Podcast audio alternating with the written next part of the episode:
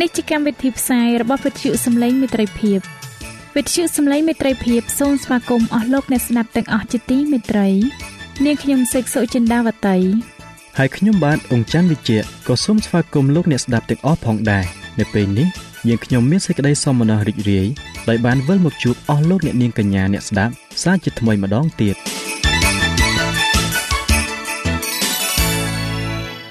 នាងខ្ញុំសេកសុចិន្តាវតី សូមជម្រាបជូនកម្មវិធីផ្សាយ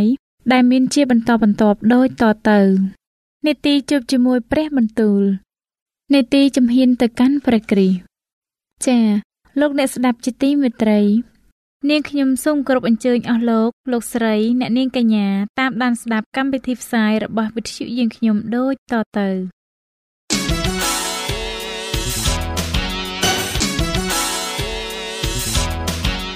នេតិ ជួបជាមួយព្រះបន្ទូល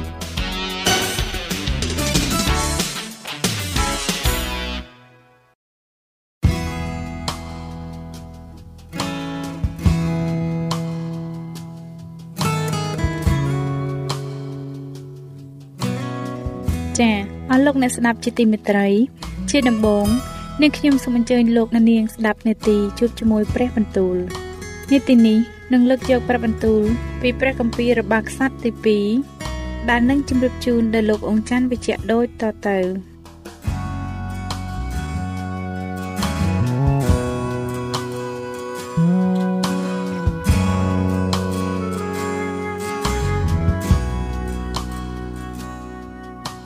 ព្រះគម្ពីររបស់ខ្សត្រទី2ចំពុកទី7កាលសាឡូមោនបានអធិស្ឋានស្រេចហើយ នោះភ្លើងក៏ចុះពីលើមេឃមកបញ្ឆេះដង្វាយដុតនិងយ៉ាញ់បូជាទាំងប៉ុន្មានទៅហើយព្រះវិហារបានពេញដោយសេរីល្អនៃព្រះយេហូវ៉ាពួកសង្ឃចូលទៅក្នុងព្រះវិហារនៃព្រះយេហូវ៉ាមិនបានដោយព្រោះសេរីល្អនៃព្រះយេហូវ៉ានៅពេញក្នុងព្រះវិហារនោះហើយពួកកូនចៅអ៊ីស្រាអែលទាំងអស់គ្នា គេក៏មើលឃើញក្នុងការដែលភ្លើងចុះមកនិងសេរីល្អនៃទ្រង់បាននៅលើព្រះវិហារដែរហើយគេអោនខ្លួនក្រាបចុះកាប់មុខដល់ដីថ្វាយបង្គំនៅទីក្រាលថ្ម ព្រមទាំងអរព្រះគុណដល់ព្រះយេហូវ៉ាថាទ្រង់ប្រកបដោយករណាគុណឯសេចក្តីសប្បុរសរបស់ទ្រង់ក៏នៅអស់កលជានិច្ចរួចមកស្ដេចនឹងបណ្ដាជនទាំងឡាយក៏ថ្វាយយ៉ាញ់បូជានៅចំពោះព្រះយេហូវ៉ាដាច់សាឡូមោនទ្រង់ថ្វាយយ៉ាញ់បូជាជាគោ22000និងជាមួយសែន20000គឺយ៉ាងនោះដែលស្ដេចនិងពួកជនបានធ្វើបន់ឆ្លងព្រះវិហារនៃព្រះឯពួកសង្ឃគេឈរនៅទីតាមតំណែងរបស់គេរៀងខ្លួន ព្រមទាំងពួកលេវីដែរគេកាន់ប្រដាប់ភ្លេងនៃព្រះយេហូវ៉ាដែលស្ដេចដាវីតបានធ្វើសម្រាប់នឹងអរព្រះគុណដល់ព្រះយេហូវ៉ាក្នុងកាលដែលដាវីតបានសរសើរដោយសារពួកនោះថាសេចក្តីសប្បុរសនៃទ្រង់នៅអស់កលជានិច្ចពួកសង្ឃក៏ផ្លុំត្រែឡើងនៅមុខគេហើយពួកអ៊ីស្រាអែលទាំងអស់ក៏ឈរនៅសាឡូមោនទ្រង់ញែកកន្លែងកណ្ដាលទីលានដែលនៅមុខព្រះវិហារនៃព្រះយេហូវ៉ាចេញជាបរិសុទ្ធត្បិតគឺនៅទីនោះហើយដែលទ្រង់ថ្វាយដង្វាយដុតទាំងប៉ុន្មាន ព្រមទាំងខ្លាញ់ដង្វាយមេត្រីផង ពីព្រោះអាសនាលង្ហិនតែសាឡូមោនបានធ្វើនោះមិនល្មមនឹងទទួលអស់ទាំងដង្វាយដុតដង្វាយម្សៅនិងខ្លាញ់ផងបានទេ នៅគ្រានោះសាឡូមោននិងពួកអ៊ីស្រាអែលទាំងអស់គ្នា បានធ្វើបន់អស់7ថ្ងៃ ជាជំនុំយ៉ាងធំ ដែលមូលមកចាប់តាំងពីទ្វារចូលស្រុកហាម៉ាត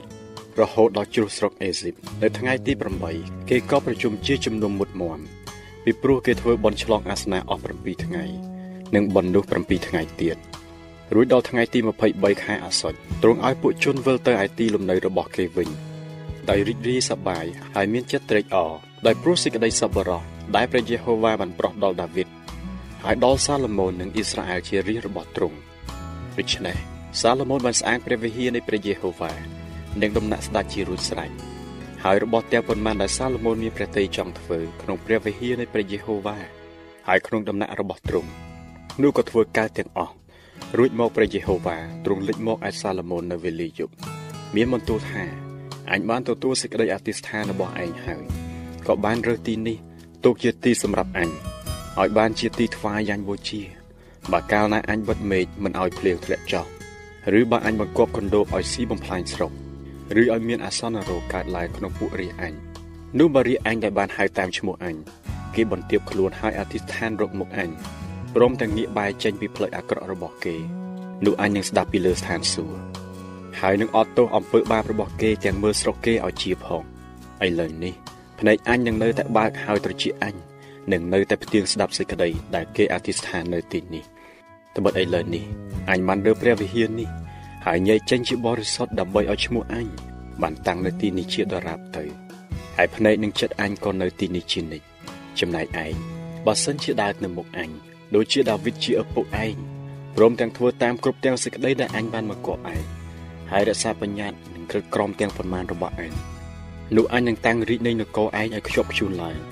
ដូចជាអញបានតាំងសញ្ញានឹងដាវីតជាឪពុកឯងថានឹងមិនដែលខានមានពូជឯងគ្រប់គ្រងលើអ៊ីស្រាអែលឡើយប៉ុន្តែបើឯងរកគ្នាងាកបែកចេញហើយបោះបង់ចោលបញ្ញត្តិនិងក្រឹតក្រមទាំងប៉ុន្មានដែលអញបានដាក់សម្ញែងនៅមុខឯងរកគ្នា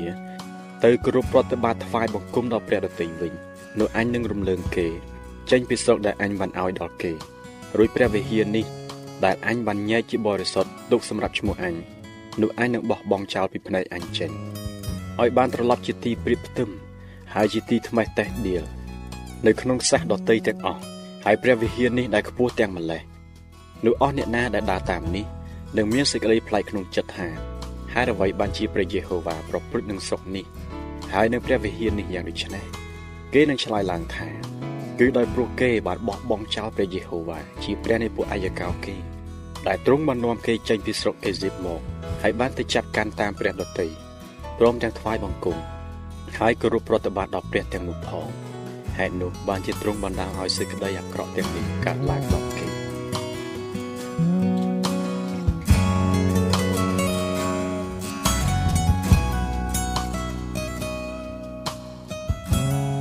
ព្រះគម្ពីររបាយខ្សត្រទី2ចំពុកទី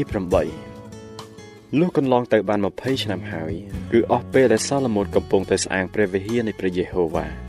ហើយនៅដំណាក់របស់ទ្រង់នោះទ្រង់ក៏សង់អស់ទាំងទីក្រុងឡើង ជាទីក្រុងដែលហ៊ីរ៉ាមបានប្រគល់មកវិញ ហើយឲ្យពួកកូនចៅអ៊ីស្រាអែលអាស្រ័យនៅក្នុងទីក្រុងទាំងនោះសាឡូមោនទ្រង់ចេញទៅច្បាំងហើយយកបានក្រុងហាម៉ាតស៊ូបាក៏សង់ក្រុងថាត់ម៉ៅនៅទីរហោស្ថាន និងអស់ទាំងទីក្រុងសម្រាប់ជាឃ្លាំងដែលទ្រង់បានធ្វើនៅស្រុកហាម៉ាតនោះដែរទ្រង់ក៏សង់ក្រុងបេតហឺរ៉ុនខាងលើ ហើយនឹងខាងក្រោម ជាទីក្រុងមានបន្ទាយហើយមានកំផែង មានទ្វារនិងរនុកផងព្រមទាំងក្រុងប៉ាអាឡាតនិងអស់ទាំងទីក្រុង សម្រាប់ជាឃ្លាំងរបស់សាឡូមោនហើយទីក្រុងសម្រាប់រទេះចម្បាំងនិងទីក្រុងសម្រាប់ពលសេះទ្រង់ព្រមទាំងអ្វីអ្វីដែលស្ដេចប្រាថ្នាចង់ធ្វើ សម្រាប់ជាទីគប់ព្រះハរតី នៅក្រុងយេរូសាឡឹមនៅភ្នំលបាណូន ហើយនៅគ្រប់ក្នុងស្រុកដែលនៅក្រោមអំណាចទ្រង់ផងឯពួកជនទាំងប៉ុន្មានដែលសល់ពីពួកសាហេតសាអាម៉ូរីសាសពេរិសិតសាសហេវីនិងសាសយេប៊ូសដែលមិនមែនជាពូជអ៊ីស្រាអែលព្រមទាំងពួកកូនចៅគេដែលសល់នៅក្នុងស្រុកគឺដែលពួកកូនចៅអ៊ីស្រាអែលមិនបានបំផ្លាញបងនោះសាឡូមោនទ្រង់បានកេណ្ឌទុកជាបាបម្រើដល់រាប់ដល់សពថ្ងៃនេះតែទ្រង់ មិនបានយកអ្នកណាក្នុងពួកកូនចៅអ៊ីស្រាអែលឲ្យធ្វើជាអ្នកបម្រើសម្រាប់ការទ្រង់ទេគេសុទ្ធតែជាមនុស្សចម្បាំងនិងជាមេលើពួកមេតបជានាយត្រួតលើរទេះចម្បាំងនិងពួកពលសេះរបស់ទ្រង់វិញឯពួកមេតបធំរបស់ស្ដេចសាឡូមោនទាំងអស់មាន250នាក់ដែលត្រួតត្រាលើពួកទ័ពរួចមកសាឡូមោនទ្រង់នាំព្រះរាជបុត្រីផារ៉ោនចេញពីក្រុងដាវីតឡើងមកឯដំណាក់ដែលទ្រង់បានសង់សម្រាប់ព្រះនាង ត្បិតទ្រង់នឹកថាប្រពន្ធរបស់អញមិនត្រូវនៅក្នុងដំណាក់នៃដាវីតជាស្ដេចសាសអ៊ីស្រាអែលទេពីព្រោះទីកន្លែងដែលហឹបនៃព្រះយេហូវ៉ាបានចូលមកទាំងនេះសុទ្ធតែបរិសុទ្ធទាំងអស់គ្រានោះសាឡូមោនទ្រង់ថ្វាយដង្វាយដុតដល់ព្រះយេហូវ៉ានៅលើអាសនាដែលទ្រង់បានស្អាតនៅមុខបាំងសាតាមកំណត់ដែលត្រូវការរាល់តែថ្ងៃគឺថ្វាយឲ្យត្រូវនឹងគិតក្រមរបស់លោកម៉ូសេទាំងថ្ងៃឈប់សម្រាកថ្ងៃចូលខែ និងថ្ងៃបុណ្យមានកំណត់3ដងក្នុងមួយឆ្នាំ ជាបុណ្យនំប៉័ងឥតដំបែបុណ្យអាទិត្យទី7និងនៅបុណ្យបារ៉ាំទ្រង់ក៏តម្រូវវេនពួកសង្ឃឲ្យគេបានធ្វើការងារតាមច្បាប់ដែលដាវីតជាព្រះបិតាទ្រង់បានកំណត់ទុកទ្រង់ឲ្យពួកលេវីមានតំណែងរបស់គេ សម្រាប់នឹងពលសរសើរហើយនឹងធ្វើជាចំនួនដល់ពួកសង្ឃតាមត្រូវការរាល់តែថ្ងៃឯពួកឆ្មាំទ្វារក៏ដែរតាមវេនគេនៅរាល់តែទ្វារ ត្បិតដាវីតជាអ្នកសំណប់របស់ព្រះបានមកគប់យ៉ាងដូច្នោះហើយគេមិនបានធ្វើខុសពីច្បាប់របស់ស្ដេចដែលទ្រង់បានមកគប់ដល់ពួកសង្ឃនិងពួកលេវី ចំពោះការអ្វីឬខាងឯទ្រព្យវិសេសណាឡើយរីឯការទាំងអស់ដែលសាឡូមោនបានធ្វើនោះសុទ្ធតែបានធ្វើទុកជាស្រេចតាំងពីថ្ងៃដែលគេដាំឫសជញ្ជាំងនៃព្រះវិហារព្រះយេហូវ៉ារហូតដល់បានហើយដូច្នេះព្រះវិហារនៃព្រះយេហូវ៉ាបានស្អាងឡើងជាស្រេច រួចមកសាឡូមោនទ្រង់យាងទៅឯក្រុងអេសៀនកេបឺនិងក្រុងអេឡុតនៅមាត់សមុទ្រក្នុងស្រុកអេដុំចំណែកឯហីរ៉ាមទ្រង់ផ្ញើសំពៅមកដោយសារពួកទ្រង់ព្រមទាំងពួកអ្នកដែលស្គាល់ភាពសមុទ្រដល់សាឡូមោនអ្នកទាំងនោះក៏ទៅជាមួយនឹងពួករបស់សាឡូមោនដល់ស្រុកអូភីហើយគេយកបានមាស450ហាបពីស្រុកនោះមកថ្វាយដល់ស្ដេចសាឡូមោន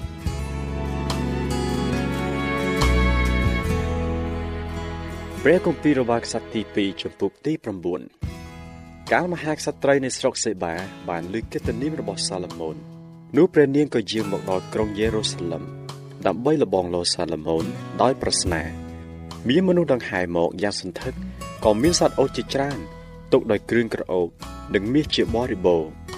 ហើយត្បូងមានតម្លៃផងលុះកាលព្រះនាងចូលមកគាល់សាឡូមោនហើយនោះក៏មានសវណ្ណនៃសន្តានីនឹងទ្រង់ ពីគ្រប់ទាំងសេចក្តីដែលមាននៅក្នុងព្រះទ័យឯសាឡូមោនទ្រង់ក៏ឆ្លើយស្រាយនៃគ្រប់អស់ទាំងសេចក្តីដែលព្រះនាងសួរឥតមានអ្វីលាក់កំបាំងដែលទ្រង់មិនបានស្រាយនៃថ្វាយព្រះនាងនោះទេ កាលមហាក្សត្រីស្រុកសេបា បានឃើញប្រាជ្ញារបស់សាឡូមោននិងដំណាក់ដែលទ្រង់បានធ្វើព្រមទាំងព្រះស្ងោយនៅលើតុទ្រង់ទីលំនៅរបស់ពួកបម្រើទ្រង់សន្តានពួកបរិវាររបស់ទ្រង់និងគ្រឿងតែងកាយរបស់គេហើយពួកបម្រើថ្វាយពេញរបស់ទ្រង់ និងសម្លៀកបំពាក់របស់គេហើយនឹងដង្វាយដុតដែលទ្រង់ថ្វាយក្នុងព្រះវិហារនៃព្រះយេហូវ៉ានោះព្រះនាងក៏ភាំងស្មារតីរួចមានសវណ្ណីទៅស្ដេចថាពាក្យដែលខ្ញុំម្ចាស់បានលើនិយាយនៅស្រុកខ្ញុំម្ចាស់ពីព្រះរាជកិច្ចនិងប្រាជ្ញារបស់ទ្រង់នោះក៏ពិតប្រាកដមែនប៉ុន្តែខ្ញុំម្ចាស់មិនបានជឿទេលុះត្រាតែបានមកឃើញនឹងភ្នែកខ្លួនឯងហើយមើលដំណឹងនៃខ្ញុំម្ចាស់បានលឺពីប្រាជ្ញាដ៏ជាធំរបស់ទ្រង់នោះ គេថ្លែងប្រាប់មិនដល់ត្រឹមតែវគ្គកណ្ដាលផងទ្រង់លើសហួសពីកិត្តិនាមដែលខ្ញុំម្ចាស់បានលើទៅទៀតមានពោហើយពួកទ្រង់និងពួកអ្នកបម្រើនេះដែលឈរនៅចំពោះទ្រង់ជានិច្ចទាំងស្ដេចប្រាជ្ញារបស់ទ្រង់សូមឲ្យព្រះយេហូវ៉ាជាព្រះនៃទ្រង់បានព្រះពរដែលទ្រង់បានសពព្រះハរតីនិងព្រះករុណាដើម្បីនឹងលើព្រះករុណាឡើងឲ្យគង់លើបល្ល័ង្ករាជធ្វើជាស្ដេចថ្វាយព្រះយេហូវ៉ាជាព្រះនៃទ្រង់គឺដោយព្រោះព្រះនៃទ្រង់បានស្រឡាញ់សាសអ៊ីស្រាអែល ដោយប្រាថ្នានឹងតាំងឲ្យគេខ្ជាប់ខ្ជួនអស់កលជានិច្ចបានជាតាំងទ្រង់ឡើងជាស្ដេចលើគេដើម្បីនឹងសម្រេចសេចក្តីយុត្តិធម៌និងសេចក្តីសុចរិតរួចព្រះនាងក៏ថ្វាយមាស120ហាបហើយគ្រឿងក្រអូបយ៉ាងសន្ធឹកព្រមទាំងត្បូងមានតម្លៃដល់ស្ដេចមិនដែលមានគ្រឿងក្រអូបណាដូចអស់ទាំងគ្រឿងក្រអូបតែមហាក្សត្រីស្រុកសេបាបានថ្វាយដល់ស្ដេចសាឡូមោននោះឡើយរីឯពួកសំពៅរបស់ហីរ៉ាមនិងពួករបស់សាឡូមោនដែលនាំយកមាសពីស្រុកអូភៀមក គេក៏យកឈើច័ន្ទនិងត្បូងមានតម្លៃមកផងដែរស្ដេចទ្រង់យកឈើច័ន្ទនោះ ធ្វើជាភ្នាក់ដៃសម្រាប់ព្រះវិហារនៃព្រះយេហូវ៉ាហើយសម្រាប់ដំណាក់ស្ដេចព្រមទាំងសុងនិងពិនសម្រាប់ពួកចម្រៀងផង ពីដើមមិនដែលឃើញមានយ៉ាងដូច្នោះនៅក្នុងស្រុកយូដាឡើយស្ដេចសាឡូមោនទ្រង់ក៏ប្រទានដល់មហាក្សត្រីស្រុកសេបាតាមបំណងព្រះハរតីព្រះនាង គឺរបស់អ្វីៗដែលព្រះនាងសូម លើអំពីរបស់ទាំងប៉ុន្មានដែលព្រះនាងបានថ្វាយដល់ស្ដេចដូច្នេះព្រះនាងព្រមទាំងពួកពលបរិវារក៏វិលត្រឡប់ទៅឯស្រុករបស់ខ្លួនវិញទៅរីឯមាសដែលមានដល់សាឡូមោនក្នុងមួយឆ្នាំនោះមានទម្ងន់666ហាបក្រៅពីនោះមានមាសដែលមកដោយសារពួកលក់ដូរថែមទៀតហើយអស់ទាំងស្ដេចស្រុកអារ៉ាប់និងពួកចៅវាយស្រុកក៏យកមាសនិងប្រាក់មកថ្វាយសាឡូមោនដែរស្ដេចសាឡូមោនទ្រង់ផាយមាស ធ្វើខែលយ៉ាងធំ200បានយកមាស600ដំឡឹងដើម្បីនឹងធ្វើខែលនីមួយនីមួយហើយក៏ផាយមាសធ្វើខែលតូច300ក្នុងខែលនីមួយនីមួយមានមាស300ដំឡឹងរួចដំកល់ទុកក្នុងដំណាក់លបាណូនមួយទៀតតែទ្រង់ធ្វើបល្ល័ង្កភ្លុកមួយយ៉ាងធំស្រោមដោយមាសសុទ្ធមានចិន្តា6ថ្នាក់ឡើងទៅឯបល្ល័ង្កនិងកំណល់កលជើងធ្វើពីមាសដែលជាប់នឹងបល្ល័ង្កក៏មានកំណល់ដៃទាំងសងខាងទីអង្គុយហើយមានរូបសង្ឃពីរ ឈរនៅក្បែរកំណល់ដៃនោះនិងរូបសង្ឃ12ឈរនៅទាំងសងខាង នៃថ្នាក់ចិន្តាទាំង6នោះដែរមិនដែលបានធ្វើបល្ល័ង្កនៅក្នុងនគរណាឲ្យដូចឡើយអស់ទាំងប្រដាប់ដែលសម្រាប់ឲ្យស្ដេចសាឡូមោនសោយគ្រឿងទឹកនោះសុទ្ធតែធ្វើពីមាសទាំងអស់ហើយអស់ទាំងប្រដាប់ប្រដានៅដំណាក់លបាណូនក៏ធ្វើពីមាសសុទ្ធដែរនៅក្នុងរាជនៃស្ដេចសាឡូមោននោះប្រាក់មិនសូវមានតម្លៃប៉ុន្មានទេត្បិតស្ដេចមានក្រុមនាវាដែលទៅឯតាសឹស ជាមួយនឹងពួកសំពៅរបស់ហ៊ីរ៉ាមដឹកនាំមាសប្រាក់ភ្លុកតូចនិងកងោកមករលតែ3ឆ្នាំ ត្រឡប់មកវិញម្ដងដូច្នេះស្ដេចសាឡូមោនទ្រង់មានព្រះរាជទ្រព្យនិងប្រាជ្ញាលើជាងអស់ទាំងស្ដេចនៅផែនដីហើយអស់ទាំងស្ដេចនៅផែនដីក៏រកចូលទៅគាល់ស្ដេចសាឡូមោនដើម្បីនឹងស្ដាប់ប្រាជ្ញា ដែលព្រះបានប្រទានមកក្នុងព្រះទ័យទ្រង់គ្រប់គ្នាក៏យកសុយសាអាករមកថ្វាយគឺជាគ្រឿងប្រាក់គ្រឿងមាស សម្លៀកបំពាក់គ្រឿងសស្ត្រាវុធសេះនិងលាកាត់តាមកំណត់រាល់តែឆ្នាំសាឡូមោនទ្រង់មានរោងសម្រាប់សេះហើយរទេះចម្បាំង4000បន្ទុកក៏មានពលសេះ12000នាក់ទ្រង់ញែកដាក់ឲ្យនៅទីក្រុង ដែលសម្រាប់រទេះចម្បាំងទាំងប៉ុន្មានហើយនៅជាមួយនឹងទ្រង់ក្នុងក្រុងយេរូសាឡឹមដែរទ្រង់ក៏មានអំណាចលើអស់ទាំងស្ដេចចាប់តាំងពីទន្លេរហូតដល់ស្រុកភីលីស្ទីនហើយដល់ព្រំស្រុកអេស៊ីបផងស្ដេចទ្រង់ធ្វើឲ្យមានប្រាក់សម្បូរ នៅក្រុងយេរូសាឡឹមដូចជាថ្ម ហើយឲ្យមានដើមតាត្រៃជាបរិបូរណ៍ដូចជាដើមឧត្តមពលដែលដុះនៅស្រុកទំនាបគេក៏នាំយកសេះពីស្រុកអេស៊ីបហើយពីស្រុកទាំងអស់មកថ្វាយទ្រង់ដែររីឯដំណើរឲ្យទៀតពីស្ដេចសាឡូមោនទាំងមុនទាំងក្រោយនោះសុទ្ធតែបានកត់ទុកនៅក្នុងពងសាវតាដែលហោរាណាថានបានតែងនៅក្នុងសេចក្តីទំនាយនៃអាហ៊ីយ៉ាជាអ្នកស្រុកស៊ីឡូហើយក្នុងរឿងពីការចាក់ស្ដាយរបស់អ៊ីដាវជាអ្នកមើលឆុត ដែលលោកឃើញពីដំណើរយេរូបោមជាកូននេបាតហើយសាឡូមោនទ្រង់សោយរាជលើពួកអ៊ីស្រាអែលទាំងអស់នៅក្រុងយេរូសាឡឹមបាន40ឆ្នាំរួចសាឡូមោនទ្រង់ផ្ទុំលក់ទៅជាមួយនឹងពួកអាយកោទ្រង់ទៅ ហើយគេបញ្ចុះសពទ្រង់នៅក្នុងក្រុងរបស់ដាវីតជាព្រះបិតាទ្រង់នោះរេហូបោមជាព្រះរាជបុត្រាក៏ឡើងសោយរាជជំនួសព្រះបិតា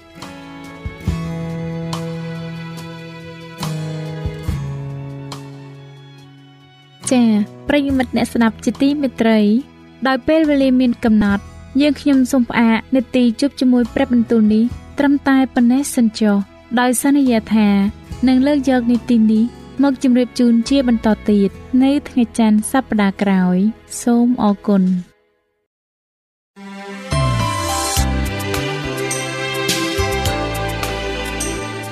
វិទ្យុសំឡេងមេត្រីភាព AWR នាំមកជូនលោកអ្នកនៅសារនៃសេចក្តីសង្ឃឹមសម្រាប់ជីវិត។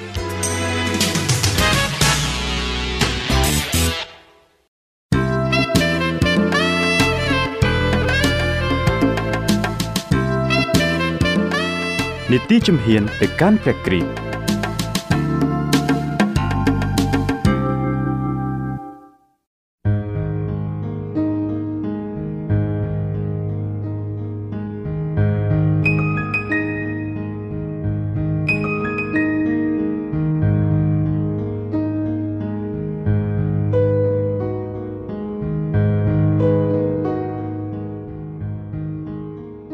សិកសុចិនាវតីសូមជម្រាបសួរអស់លោកលោកស្រីអ្នកនាងកញ្ញានិងប្រិយមិត្តអ្នកស្ដាប់ជាទីមេត្រី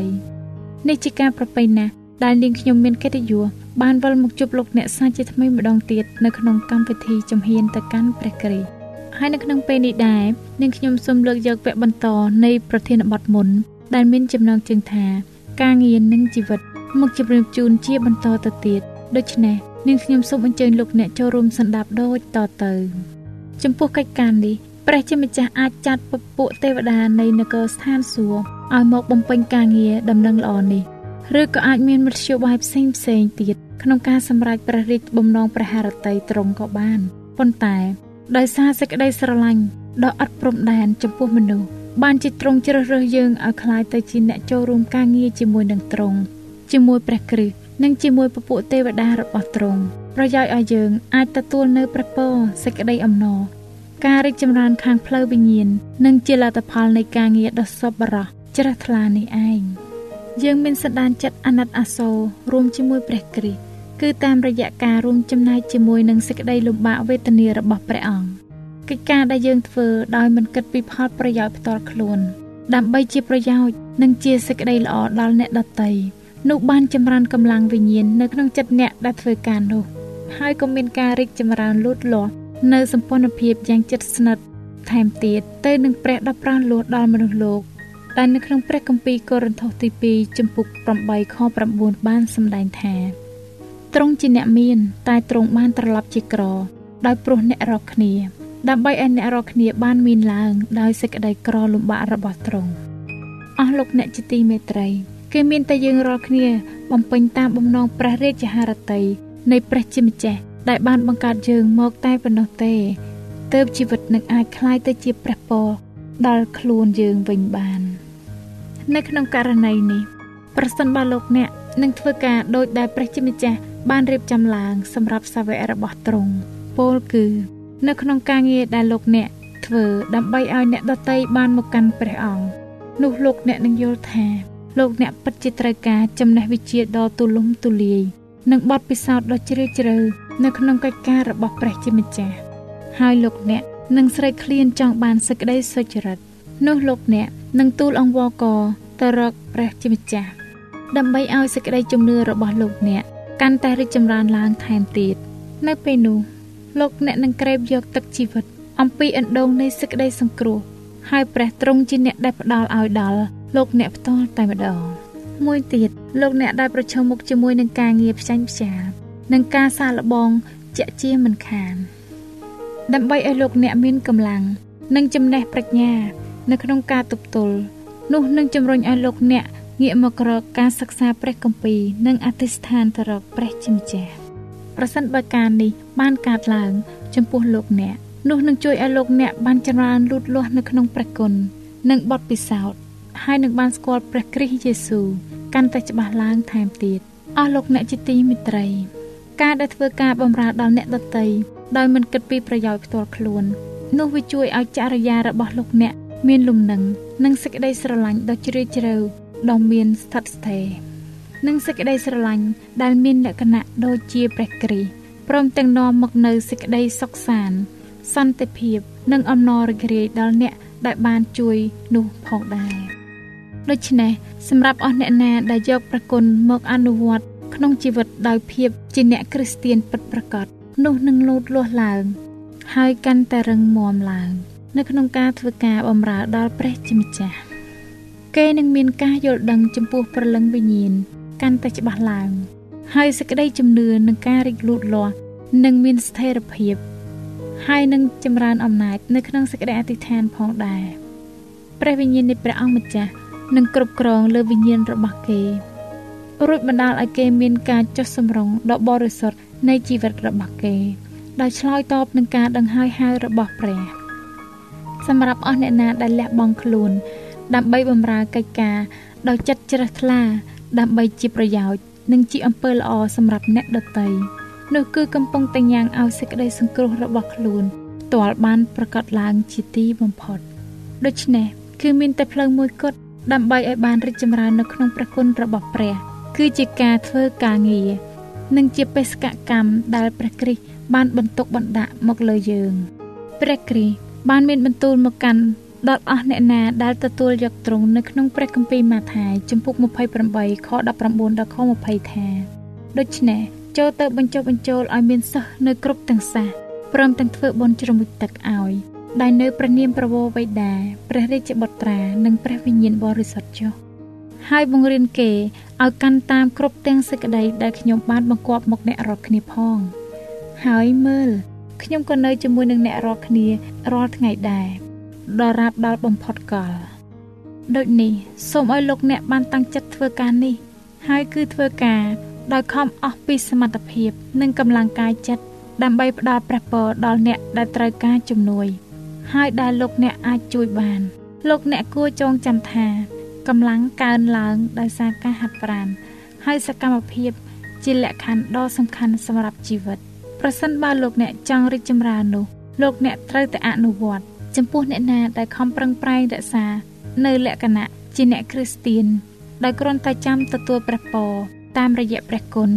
ហើយពុំធ្វើការអ្វីសោះនោះមានន័យថា គឺជាអ្នកដែលរស់នៅ ដើម្បីតែបរិភោគតែប៉ុណ្ណោះសម្រាប់អស់អ្នកណាដែលមានលក្ខណៈនេះនោះនឹងមានការរិចរិលខាងឯប្រលឹងវិញ្ញាណហើយសភាពបែបនោះគឺវានឹងផ្ដល់នៅភាពរិចរិលដុនដាបនិងសេចក្តីហិនវិនាតែប៉ុណ្ណោះយ៉ាងណាមិញអ្នកគ្រីស្ទៀនដែលពុំព្រមបញ្ចេញនៅអំណាចដែលព្រះជាម្ចាស់ប្រគល់ឲ្យនោះគេមិនត្រឹមតែមិនលូតលាស់នៅក្នុងព្រះគ្រីស្ទសម្រាប់ខ្លួនឯងតែប៉ុណ្ណោះទេ គឺថែមទាំងបាត់បង់នៅអំណាចដែលគេមានមកហើយនោះទៀតផងព្រះវិហាររបស់ព្រះគ្រីស្ទគឺជាកន្លែងដែលព្រះជាម្ចាស់បានចាត់តាំងឡើង ដើម្បីជាសេចក្តីសង្គ្រោះចំពោះមនុស្សលោកបេសកកម្មរបស់ព្រះវិហារគឺនាំដំណឹងល្អទៅកាន់លោកីទាំងមូលរីឯកតាបកិច្ចគឺស្ថិតនៅលើអ្នកគ្រីស្ទៀនគ្រប់គ្រប់រូបមនុស្សម្នាក់ម្នាក់ដែលមានទេពកោសល និងពេលវេលាដែលអាចធ្វើទៅបាន គឺត្រូវបំពេញការងារដែលព្រះជាម្ចាស់ បានបន្ទុកបណ្ដាក់ឲ្យសេចក្តីស្រឡាញ់របស់ព្រះគ្រីស្ទដែលបានបង្ហាញដល់យើងរាល់គ្នា បានធ្វើឲ្យយើងមានចិត្តចង់យកដំណឹងរបស់ទ្រង់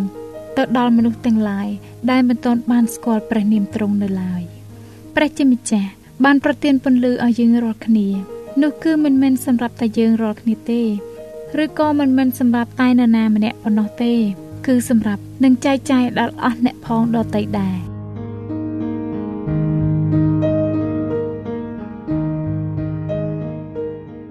ចា៎ដោយពេលវេលាមានកំណត់ យើងខ្ញុំសូមផ្អាកនេតិជំហានទៅកាន់ព្រះគ្រីស្ទនេះ ត្រឹមតែប៉ុណ្ណេះសិនចុះដោយសន្យាថានឹងលើកយកនេតិនេះមកជម្រាបជូនជាបន្តទៀតនៅថ្ងៃស្អែកសូមអរគុណ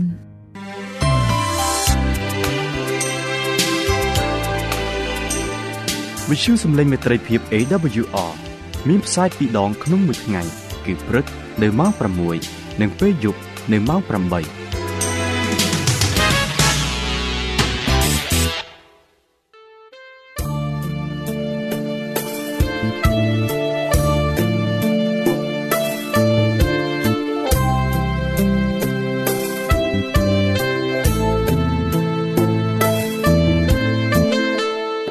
សិនជាលោកអ្នកមានសំណួរឬសំណុំពរអ្វីសូមតាក់ទងមកការិយាល័យវិទ្យុយើងខ្ញុំ តាមអាស័យដ្ឋានផ្ទះលេខ15ផ្លូវលេខ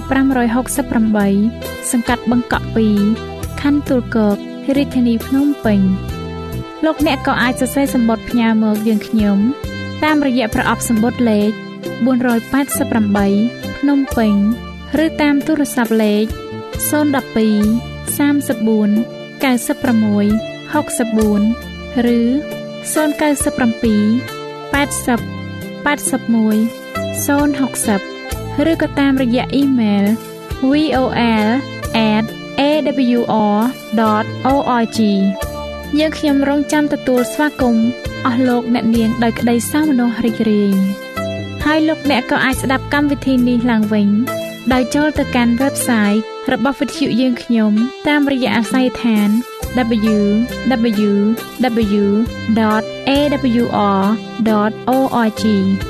លោកអ្នកនាងកញ្ញាជាទីមេត្រី កម្មវិធីផ្សាយរបស់វិទ្យុសំឡេងមេត្រីភាពនៅពេលនេះសូមបញ្ចប់តែប៉ុណ្ណេះ